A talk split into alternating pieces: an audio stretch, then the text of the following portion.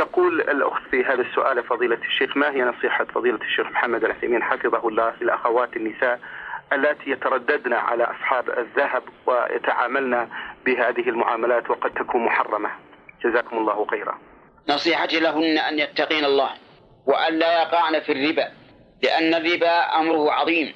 وقد ثبت عن النبي صلى الله عليه وسلم أنه قال لعن الله آكل الربا وموكله وشاهديه وكاتبه.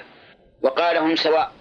وحل هذه المشكلة سهلة وذلك بأن تبيع المرأة ذهبها بيعا مستقلا ثم إذا قبضت الثمن اشترت من صاحب الدكان أو غيره. والأفضل أن تشتري من غيرك في هذه الحال.